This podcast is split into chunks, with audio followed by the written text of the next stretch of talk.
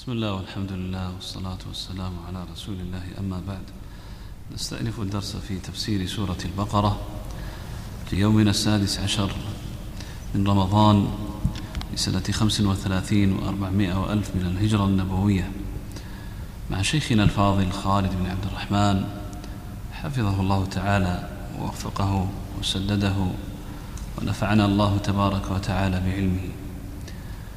أعوذ بالله السميع العليم من الشيطان الرجيم من همزه ونفخه ونفثه. إن الصفا والمروة من شعائر الله. فمن حج البيت أو اعتمر فلا جناح عليه أن يطوف بهما. ومن تطوع خيرا فإن الله شاكر عليم.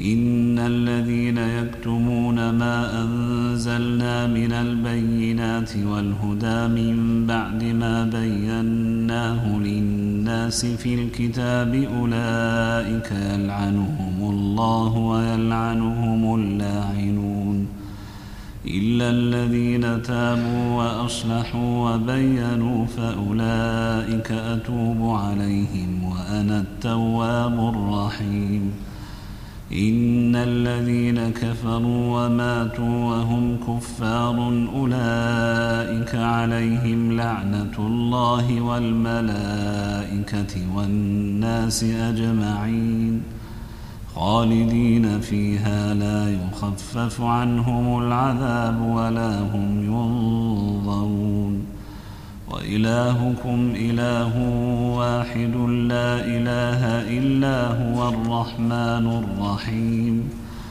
إن في خلق السماوات والأرض واختلاف الليل والنهار والفلك التي تجري في البحر بما بما ينفع الناس وما أنزل الله من السماء من فأحيا به الأرض بعد موتها وبث فيها من كل دابة وتصريف الرياح والسحاب المسخر بين السماء والأرض لآيات لآيات لقوم يعقلون.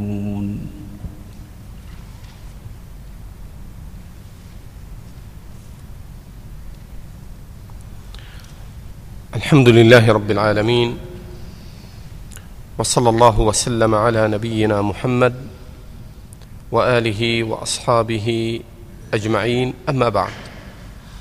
فقد وصلنا إلى قوله تبارك وتعالى إن الصفا والمروة من شعائر الله. وأصل الصفا كما يقول الإمام الطبري رحمه الله هو الصخرة الملساء فتسمى بالصفا في لغة العرب.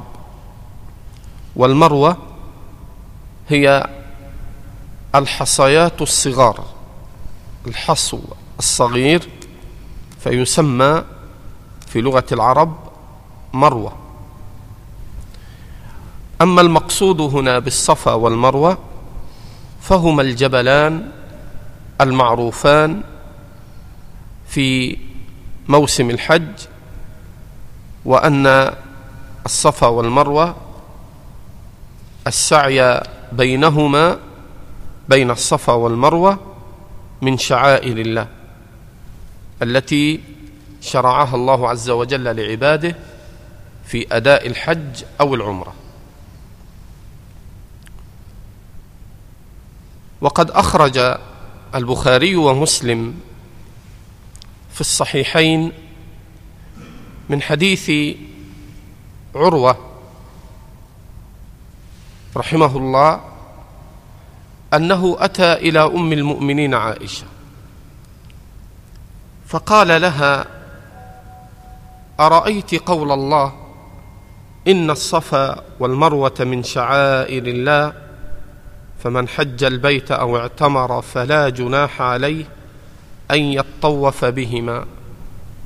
فقال عروة فوالله ما أرى بأسا على من ترك الطواف بينهما.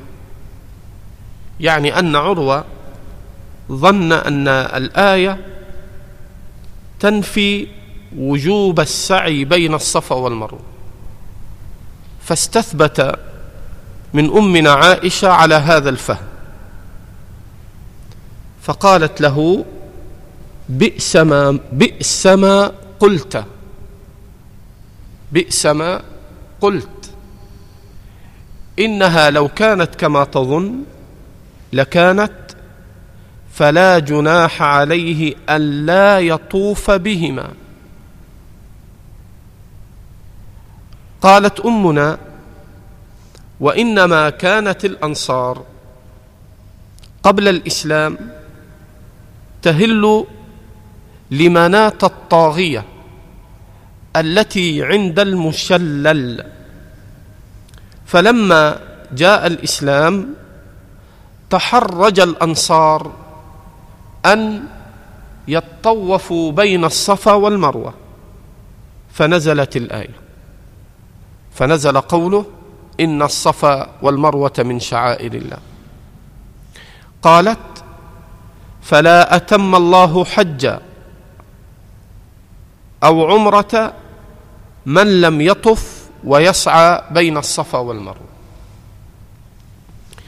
وقد جاء في الصحيحين أيضا من حديث أنس رضي الله عنه أن الأنصار كانوا يكرهون السعي بين الصفا والمروة لأنه كان من فعلهم في الجاهلية. فنزل قوله تعالى إن الصفا والمروة من شعائر الله. فالمقصود أن قول الله جل وعلا فلا جناح عليه هو رفع لما كانوا يتوهمونه. أنهم في الجاهلية كانوا يسعون بين الصفا والمروة وكان هذا من فعل أهل الجاهلية يتعبدون لأصنامهم مع شركهم. فلما جاء الإسلام بالسعي بين الصفا والمروة وأن تلك العبادة تكون مقرونة بتوحيد الله فكرهوا أن يفعلوا ذلك إذ كانوا يفعلون مثله في الجاهلية مع شركهم فجاء نفي الحرج لذلك. وقد اختلف العلماء في السعي بين الصفا والمروة. فقال بعض أهل العلم السعي بين الصفا والمروة ركن فمن ترك السعي بين الصفا والمروة بطل حجه. وقال بعض أهل العلم السعي بينهما واجب فمن تركه صح حجه وصحت عمرته وعليه الإثم بترك السعي بين الصفا والمروة وعليه دم عوضا عما ترك من السعي الواجب. وقال بعض أهل العلم السعي بين الصفا والمروة مستحب فلا شيء على من ترك السعي بينهما. وقد أخرج الإمام أحمد في المسند كما صححه الإمام الألباني وغيره أن النبي صلى الله عليه وسلم سعى بين الصفا والمروة. قال حتى إن إزاره ليلتف حول رجليه من شدة السعي وهو يقول لأصحابه اسعوا فإن الله كتب عليكم السعي. فهذا الحديث مع غيره من الأدلة كقوله أن النبي صلى الله عليه وسلم كما في صحيح مسلم لما سعى بين الصفا والمروة قال لتأخذوا عني مناسككم. فكل ذلك دليل على أن السعي بين الصفا والمروة واجب لا بد منه. من واجبات الحج أو من واجبات العمرة. قال الله عز وجل إن الصفا والمروة من شعائر الله. فمن حج البيت أو اعتمر فلا جناح عليه أن يطوف بهما. ومن تطوع خيرا فإن الله شاكر عليم. هذه الآية في قوله ومن تطوع خيرا.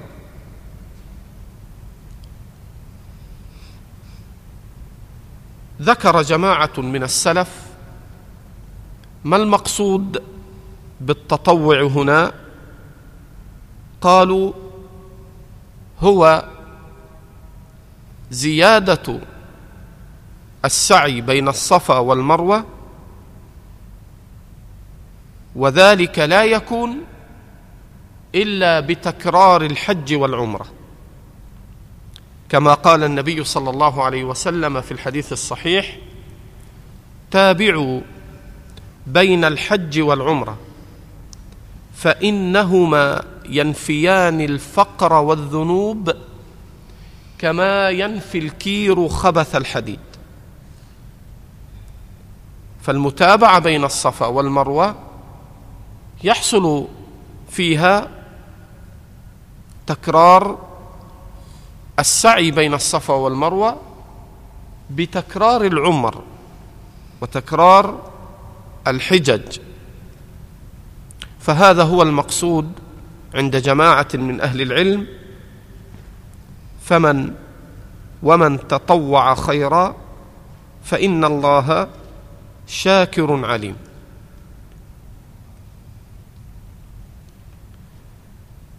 إن الذين يكتمون ما أنزلنا من البينات والهدى من بعد ما بيناه للناس في الكتاب أولئك يلعنهم الله ويلعنهم اللاعنون.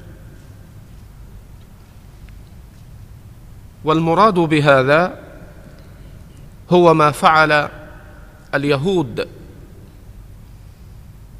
من كتمانهم الآيات والبينات الدالة على صدق النبي صلى الله عليه وسلم كما تقدم قبل ذلك الذين آتيناهم الكتاب يعرفونه كما يعرفون أبناءهم وإن فريقا منهم ليكتمون الحق وهم يعلمون.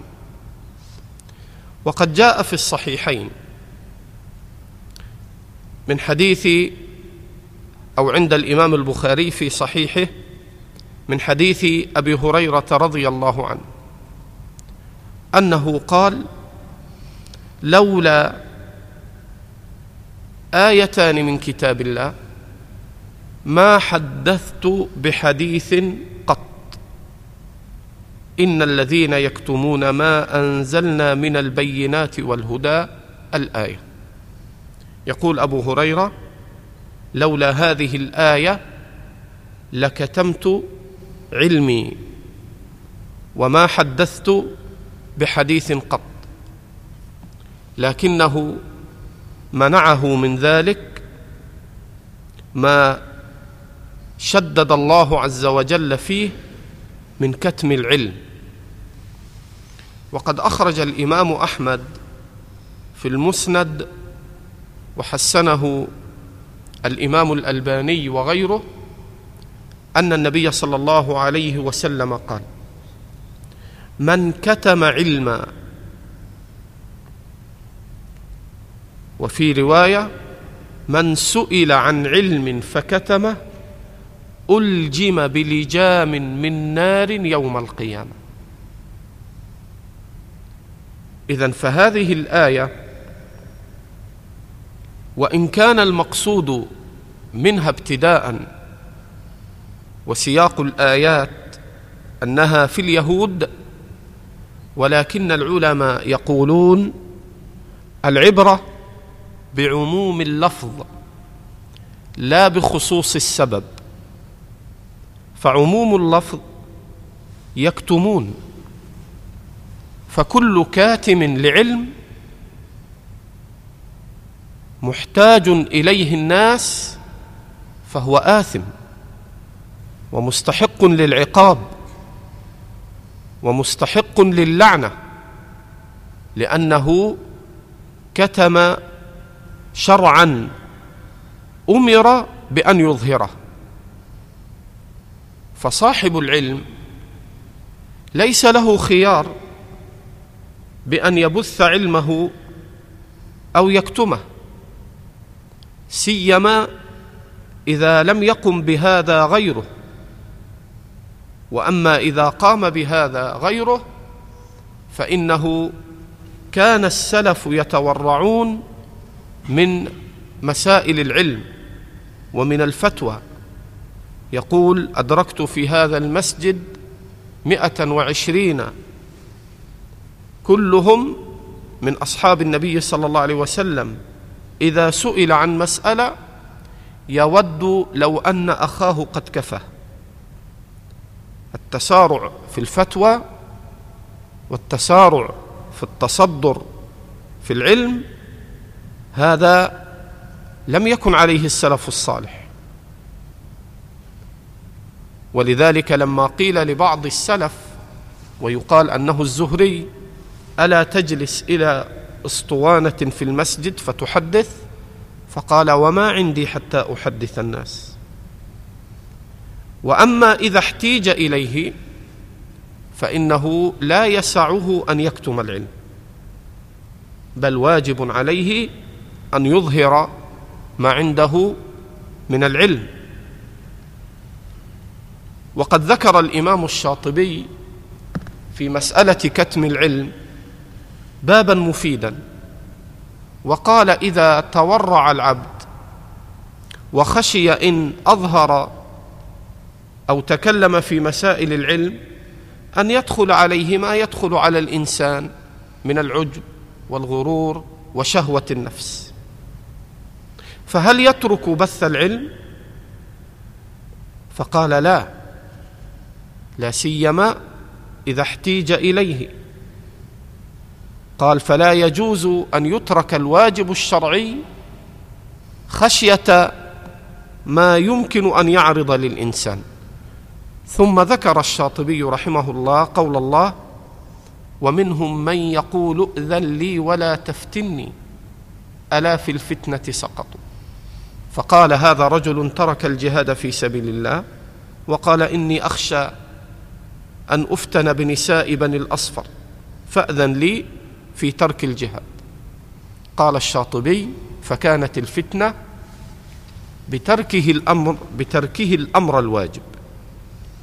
فالمقصود أن هذه الآية استدل بها أبو هريرة وغيره من علماء السلف من الصحابة والتابعين وغيرهم من السلف الصالح على تحريم كتم العلم إذا احتيج إليه. قال إن الذين يكتمون ما أنزلنا من البينات والهدى فما أنزله الله بينات وهدى. بينات أي أحكام ودلائل ظاهرة. لا لبس فيها ولا خفاء والهدى من تمسك ببينات الله وبآيات الله صار مصيره إلى الهداية. فقرن الله جل وعلا بين البينات والهدى. من بعد ما بيناه للناس في الكتاب. اذا ما هو العلم الذي لا يجوز كتمه؟ العلم هو علم الشرع. إذا العالم ليس له أن يتكلم بغير براهين وأدلة لأن العالم من حيث هو بشر يصيب ويخطئ ويعلم ويجهل. وإنما العالم يتكلم في مسائل العلم بما جاء في الكتاب بما بينه الله للناس في الكتاب. لا أنه يتكلم من تلقاء نفسه. فإذا تكلم من تلقاء نفسه كان عرضة للخطأ. لذلك لا يجوز أن يترك ما دل عليه الكتاب والسنة لقول عالم من العلماء لأن الحجة فيما جاء في الكتاب والسنة لا الحجة في أقوال الرجال. ولذلك قال الإمام مالك رحمه الله ما منا أحد إلا رد ورد عليه إلا صاحب هذا القبر. وأشار إلى قبر النبي صلى الله عليه وسلم. قال الله جل وعلا إن الذين يكتمون ما أنزلنا من البينات والهدى من بعد ما بيناه للناس في الكتاب أولئك يلعنهم الله ويلعنهم اللاعنون. وسبق الكلام في معنى اللعنة وأن اللعنة الأصل أنها الطرد من رحمة الله إلا أن اللعنة لعنتان. لعنة للكافر بأن يطرد من رحمة الله فيخلد في النار. ولعنة للمسلم الذي أتى بمعصية فيكون ملعونا فيلعن ويكون مستحقا للعذاب ما لم يعفو الله عنه. فإن النبي صلى الله عليه وسلم لعن شارب الخمر ولعن آكل الربا وكل هؤلاء من المسلمين. فانتبه لهذا. حتى لا تسلك مسلك الخوارج. الخوارج لا يفرقون. يقولون الكافر ملعون وصاحب الكبيرة ملعون وكلاهما مخلد في النار. فلذلك يستحلون دماء المسلمين. إذا أتى المسلم بمعصية عند الخوارج صار حلال الدم.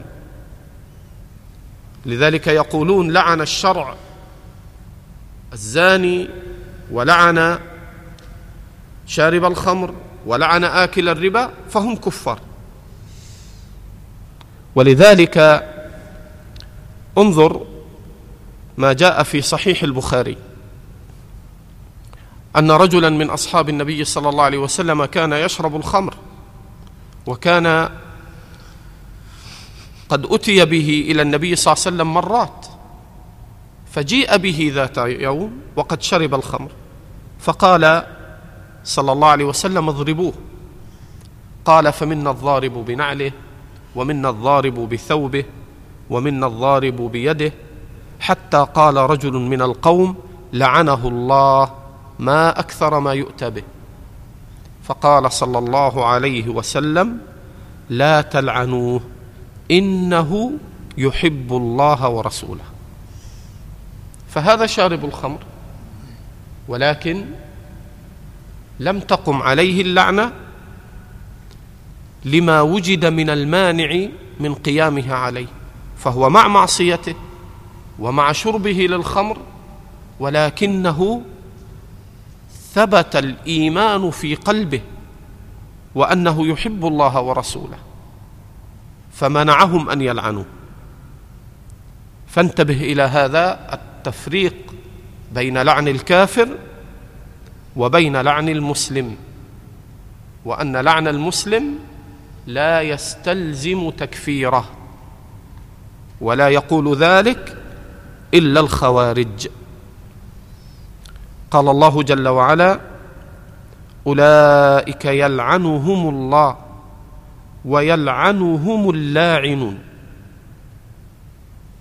وقوله ويلعنهم اللاعنون قد روى الطبري بإسناد صحيح وغيره عن قتادة قال اللاعنون قال هم المؤمنون.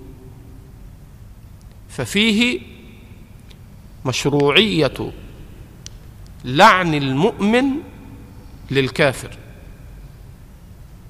كما جاء في الصحيح لعن النبي صلى الله عليه وسلم يقول لعن الله اليهود والنصارى. اتخذوا قبور أنبيائهم مساجد. ألا فلا تتخذوا القبور مساجد فإني أنهاكم عن ذلك. وقد رخص بعض أهل العلم ومنع آخرون من لعن المسلم المعين إذا أتى بما دل عليه الشرع أنه مستحق للعنة فيه. فرخص في هذا بعض أهل العلم واحتجوا بما ثبت عن النبي صلى الله عليه وسلم في أن رجلا من أصحابه أتى النبي صلى الله عليه وسلم فقال يا رسول الله إن جاري يؤذيني. فقال صلى الله عليه وسلم خذ متاعك. عفش بيتك. فضعه في السوق. فمن مر عليك فسألك فقل آذاني جاري. فقام الرجل وأخذ ووضع متاعه في السوق. فكلما مر عليه أحد يقول آذاني جاري. فيقول الناس لعنه الله لعنه الله. حتى بلغ ذلك للرجل الذي كان يؤذيه. قال ارجع إلى دارك والله لا أوذيك بعدها. قال الله جل وعلا أولئك يلعنهم الله ويلعنهم اللاعنون إلا الذين تابوا وأصلحوا وبينوا.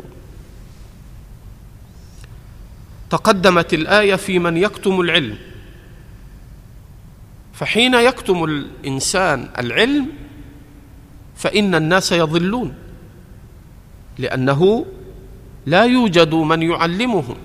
وهذا كتم العلم فترتب على كتمان العلم إضلال الناس.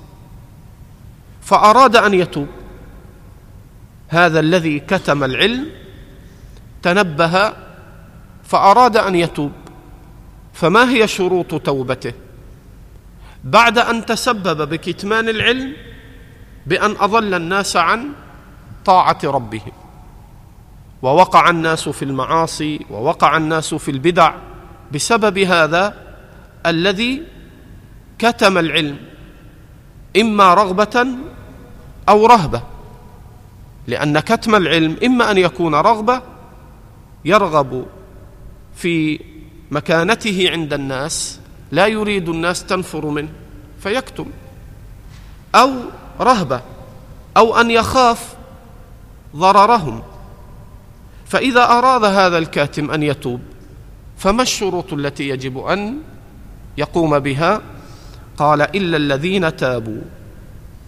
يتوب إلى الله بأن يستغفر يستغفر الله ويندم على ما كتم. وقد ثبت عن النبي صلى الله عليه وسلم أنه قال فيما صحح الإمام الألباني الندم توبة. الندم توبة. ثم ماذا؟ وأصلحوا أصلحوا أعمالهم وأصلحوا ما أفسدوه من دين الناس. يبين للناس ويصلح ما أفسده من أمر دين الناس فيبين الإصلاح الذي بسببه صار الواقع عوضا عنه الفساد. إلا الذين تابوا وأصلحوا وبينوا. يبين ما كتم ويبين بطلان ما كان يقوله قبل. كنت أقول كذا وأخطأت والصحيح كذا والحجة كذا. أما أن يتوب ثم لا يترك البيان فهذه التوبة لا تقبل. لأنها لم تستوف شروطها. فلا بد أن يتوب وأن يبين ما أخطأ فيه وما أضل الناس فيه. قال إلا الذين تابوا وأصلحوا وبينوا فأولئك أتوب عليهم وأنا التواب الرحيم. إن الذين كفروا وماتوا وهم كفار. كفر واستمر على الكفر أولئك عليهم لعنة الله.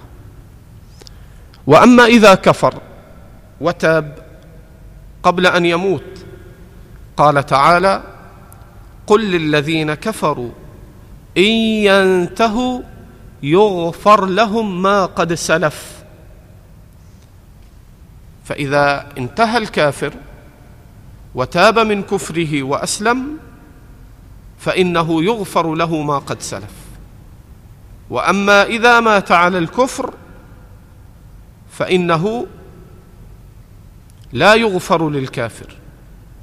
إن الله لا يغفر أن يشرك به ويغفر ما دون ذلك لمن يشاء. قال الله جل وعلا إن الذين كفروا وماتوا وهم كفار أولئك عليهم لعنة الله والملائكة والناس أجمعين خالدين فيها أي خالدين في النار. وقيل خالدين في اللعنة المستلزمة للنار. وقد ثبت في صحيح البخاري من حديث أبي هريرة رضي الله عنه أن النبي صلى الله عليه وسلم قال يقال لأهل النار يا أهل النار خلود بلا موت. ويقال لأهل الجنة يا أهل الجنة خلود بلا موت. قال الله عز وجل لا يخفف عنهم العذاب ولا هم ينظرون. لا يخفف العذاب نعوذ بالله ولا هم ينظرون ولا هم يمهلون ولا يؤخرون. ثم قال الله جل وعلا وإلهكم إله واحد. فالله جل وعلا هو المعبود بحق دون سواه. وهذا هو أصل التوحيد. وإلهكم إله واحد. وتأمل يقول وإلهكم. وعدل عن ربكم. لم يقل وربكم رب واحد. وإنما قال وإلهكم إله واحد. وهذا فيه البيان أن كثيرا من الكفار لم ينازع في ربوبية الله وإنما المنازعة في الأغلب والأعم بين الأنبياء. وأقوامهم في الألوهية وليس في الربوبية. فاليهود والنصارى يعلمون أن الله إله ويعبدون الله لا ينكرون عبادة الله ولكنهم يشركون في ألوهية الله. فلم يكن نزاع كثير من الكفار مع الأنبياء والرسل في الربوبية بأن الله هو الخالق الرازق المحيي المميت. حتى المشركون يعلمون ذلك ويثبتون أن الله هو الخالق وأن الله هو المحيي وأن الله هو المميت. ولكن النزاع في مسألة الألوهية في إفراد الله جل وعلا بالعبادة وعدم صرف شيء منها لغيره. هذا هو النزاع. لذلك كانوا يقولون أجعل الآلهة إلها واحدا إن هذا لشيء عجاب. لذلك كثير من الجهال من الدعاة والجماعات تجد أن دعوتهم قائمة على توحيد الربوبية. يعظمون الله جل وعلا في ربوبيته. الله هو الخالق الله هو المحيي الله هو المميت. ويكون جل دعوتهم على هذا الجانب. ولا شك أنه حق. ولكن الباطل أنهم يتركون الأصل الأول العظيم. وهو ألوهية الله جل وعلا.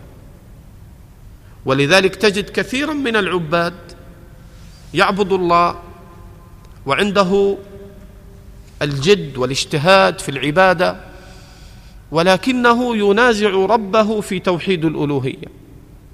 فتجد يذبح لغير الله يطوف بالقبور يتمسح بأصحابها يسأل من أصحابها المدد يسأل من أصحابها يدعي ولايتهم لله فيسألهم أن يشفوا مريضه أن يفرجوا كربه يطوف بالقبور يذبح لها.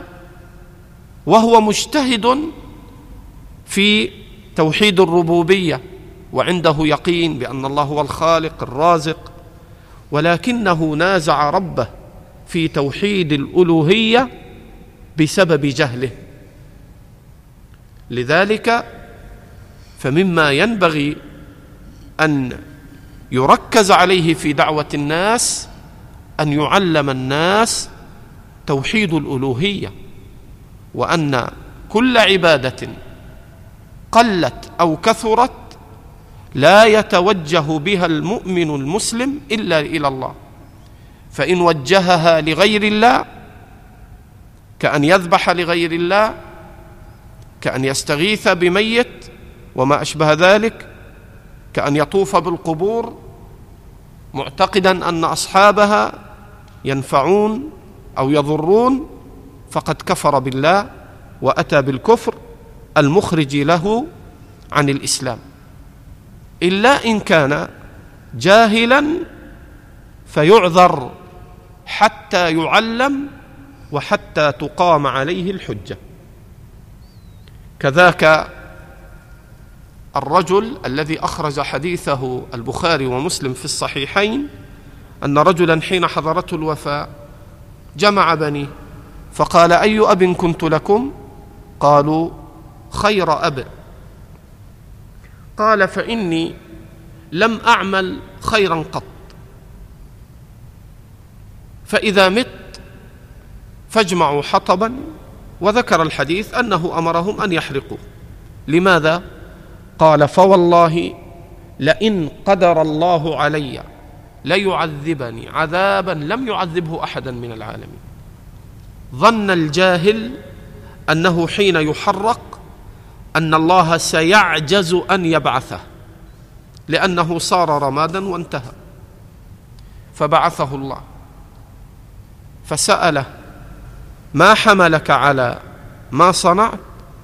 قال مخافتك يا رب. قال فتلافاه برحمته. يعني هذا اعتقد الكفر ونسب العجز إلى الله وظن أنه حين يحرق أن الله لن يقدر على أن يبعثه لكنه جاهل. لم يحمله على هذا الفعل المعانده والتكذيب. ولكن حمله على ذلك خوفه من الله. وأتى بالكفر ولكن الله عذره لجهله بهذا. قال الله جل وعلا وإلهكم إله واحد لا إله إلا هو الرحمن الرحيم. بعد أن ذكر العذاب قال خالدين فيها ذكر الرحمة. فرغب ورهب. فرغب ورهب. وخوف عباده وتحنن على عباده. فمن قام بالتوحيد فإن الله جل وعلا يرحمه بفضله وإحسانه. وقد تكلم أهل العلم على الفرق بين هذين الاسمين العظيمين. ما الفرق بينهما؟ الرحمن الرحيم. وحاصل كلام بعض المحققين من أهل العلم وبعض المفسرين أن الرحمن على صيغة فعلان. يقال غضبان ممتلئ غضبا. ريان ممتلئ ريا جوعان شديد الجوع عطشان شديد العطش. قال هؤلاء العلماء فالرحمن صيغة مبالغة تدل على الكثرة.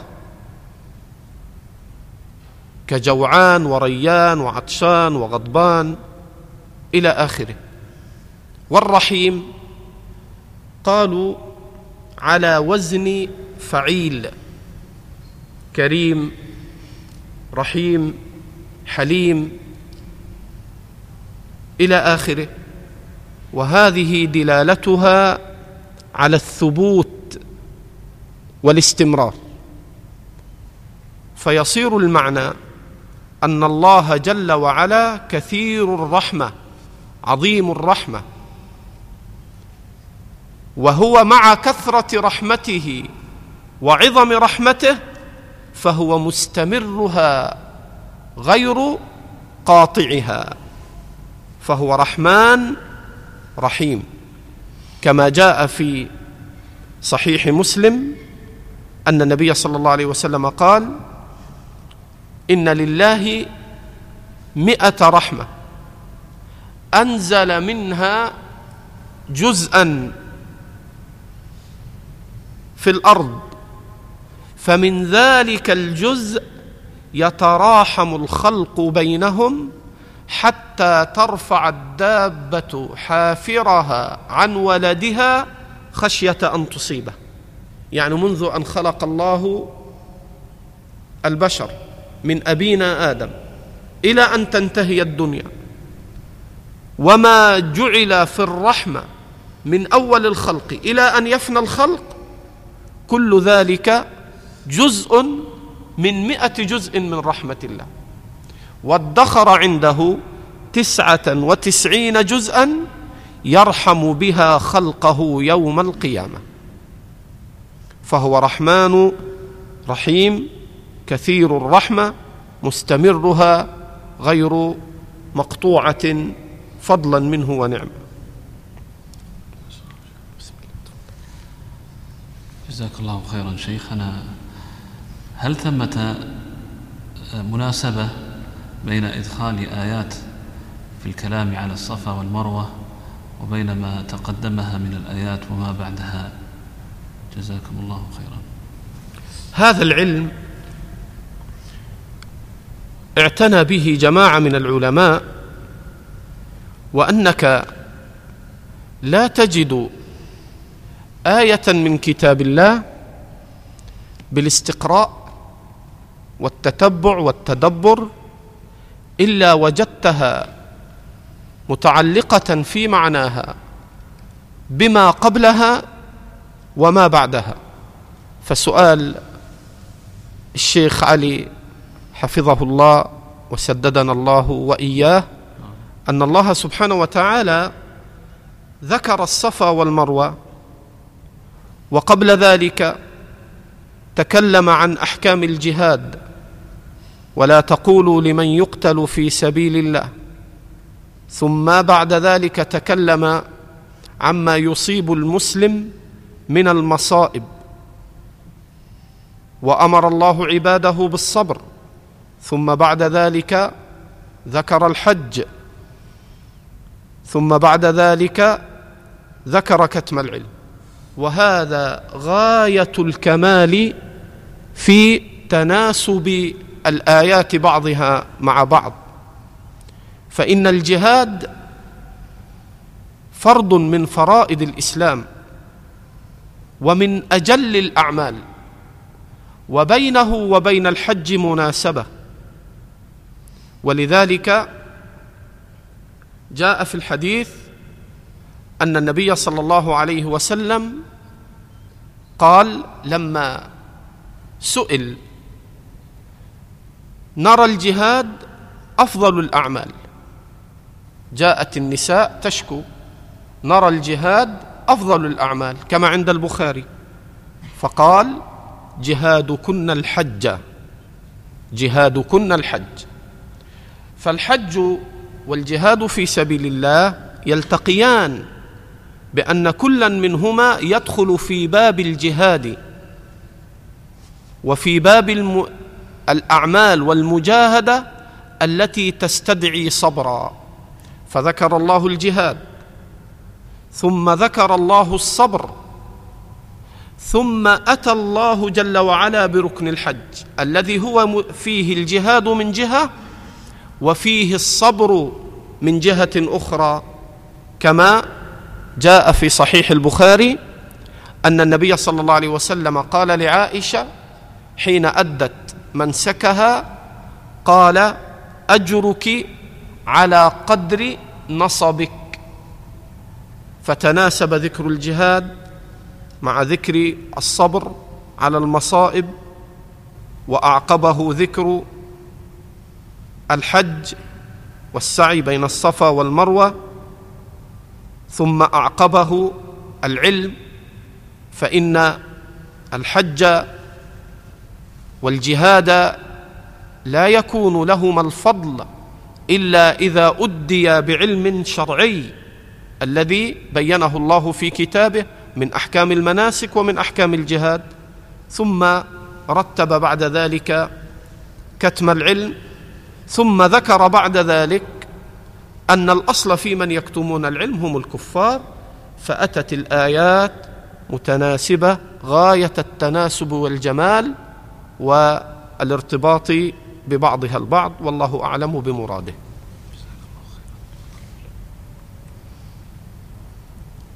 يقول الله عز وجل وإلهكم إله واحد لا إله إلا هو الرحمن الرحيم إن في خلق السماوات والأرض واختلاف الليل والنهار إلى آخر ما ذكر من الآيات. وفي هذا استدلال بتوحيد الربوبية على إلزام الخلق بتوحيد الألوهية. فهناك تلازم بين الربوبية والألوهية. قل أعوذ برب الناس ملك الناس إله الناس. قدم الربوبية لأن كثيرا من الأمم يقر بها بأن الله الخالق الرازق المحيي المميت. فيلزمهم إذا أقروا بذلك أن يفردوا ربهم بتوحيد الألوهية. لذلك انظر كيف قرن النبي صلى الله عليه وسلم بين ملازمة الربوبية والألوهية لله. ففي الصحيحين من حديث عبد الله بن مسعود أن النبي صلى الله عليه وسلم سئل أي الذنب أعظم؟ قال أن تجعل لله ندا وهو خلقك. كيف تجعل لله ندا؟ فتشرك في توحيد الألوهية مع أن الله هو المستحق أن يفرد بالألوهية. لما أنعم عليك من صفة الربوبية. ما أوصل لك من الخير بصفة ربوبيته جل وعلا. أي الذنب أعظم؟ قال أن تجعل لله ندا. هذا هو الشرك وعدم التسليم بألوهية الله. فتعبد الله وتعبد معه غيره. فتكون قد هدمت توحيد الألوهية. مع أنك تعلم أن الله هو الذي خلقك ولم يخلقك ذاك الند الذي جعلته لله. قال أي الذنب أعظم؟ قال أن تجعل لله ندا وهو خلقك.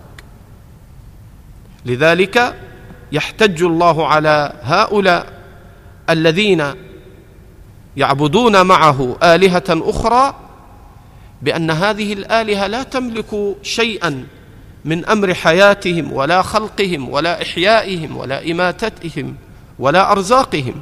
يقول إن في خلق السماوات والأرض واختلاف الليل والنهار. اختلاف الليل والنهار ينتج عن الشمس والقمر. يقول الله عز وجل لا الشمس ينبغي لها أن تدرك القمر. ولا الليل سابق النهار وكل في فلك يسبحون. أفلاك أجرام أوزانها لا يعلمها إلا الله. معلقة هكذا في الهواء. لو جينا هنا في هذه المنطقة فرأينا حجرا قد علق في الهواء. لاجتمعت الدنيا كلها ليحللوا هذه الظاهرة. كيف حجر معلق؟ ولكن العادة تجعل الإنسان يغفل عن التدبر. العادة تصرفك عن التدبر. وهذا مما ينبغي أن يتعقل الإنسان أن هذه الخوارق التي تدل على عظمة شأن ربنا عز وجل لا ينبغي, لا ينبغي لك أن تجعل عادتك غالبة لك على التدبر. قال إن في خلق السماوات والأرض كما قال إن الله يمسك السماوات والأرض أن تزولا ولئن زالتا إن أمسكهما من أحد من بعده. إن في خلق السماوات والأرض واختلاف الليل والنهار والفلك التي تجري في البحر. الفلك إن منع الله الريح كما يقول عز وجل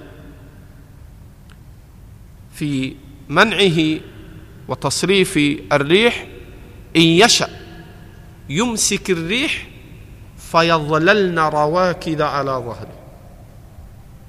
لو أن الله أمسك الريح يهلك الناس في البحار. وإنما يسخر الله الريح فتجري السفن بأمر الله جل وعلا وهي الفلك. إن يشأ يمسك الريح فيظللن رواكد على ظهره. فهذا من عظيم نعمة الله على عباده. قال والفلك التي تجري في البحر بما ينفع الناس. إلى زمن قريب من خمسين سنة تزيد تقل وكثير من الناس كانت أرزاقهم في البحر. يغوصون يستخرجون اللؤلؤ ثم يسافرون إلى البلاد البعيدة يبيعونه ويتاجرون فيه. فجعل الله الرزق للعباد في البحر وفي البر. وأجرى الله عز وجل المنافع للعباد في برهم وبحرهم. قال والفلك التي تجري في البحر بما ينفع الناس وما أنزل الله من السماء من ماء فأحيا به الأرض بعد موتها. كما قال تعالى قل أرأيتم إن أصبح ماؤكم غورا فمن يأتيكم بماء معين؟ هذا الماء نشربه ولا نشعر بعظم هذه النعمة. إن غار الماء وانحبس الماء في الأرض يهلك الناس. وما أنزل الله من السماء من ماء فأحيا به الأرض بعد موتها. أرض ميتة ينزل عليها ماء فيخرج ثمر. ثم هذا الثمر الذي يخرج يسقى بماء واحد. ونفضل بعضها على بعض في الأكل. مختلف ألوانه وطعمه ويسقى بماء واحد. كل ذلك من عظيم صنع الله. قال الله جل وعلا فأحيا به الأرض بعد موتها وبث فيها من كل دابة وتصريف الرياح. والسحاب المسخر بين السماء والأرض لآيات لقوم يعقلون يستعملون عقولهم فيدركون أن الله إله واحد لا إله إلا هو.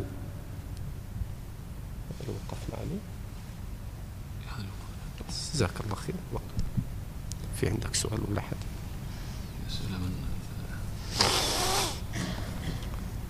نعم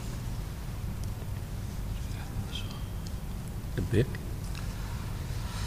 يقول السائل هذه أسئلة من درس الأمس. يقول من فاته إحدى ركعتي التراويح هل يتمها أو يسلم مع الإمام؟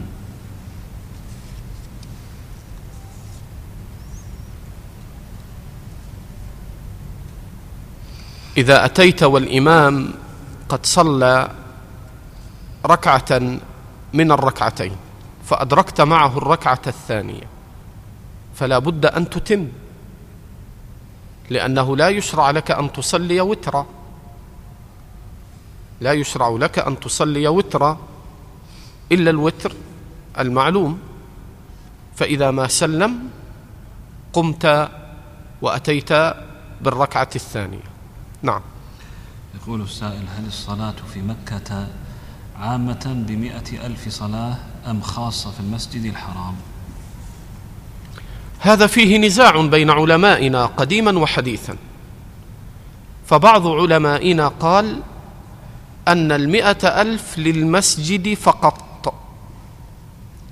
وقال بعض علمائنا المئة ألف لمكة وللحرم كله. وسبب الخلاف أن الحديث يقول صلاة في المسجد الحرام. والمسجد الحرام يطلق تارة ويراد به المسجد. ويطلق المسجد الحرام ويراد به الحرم كله.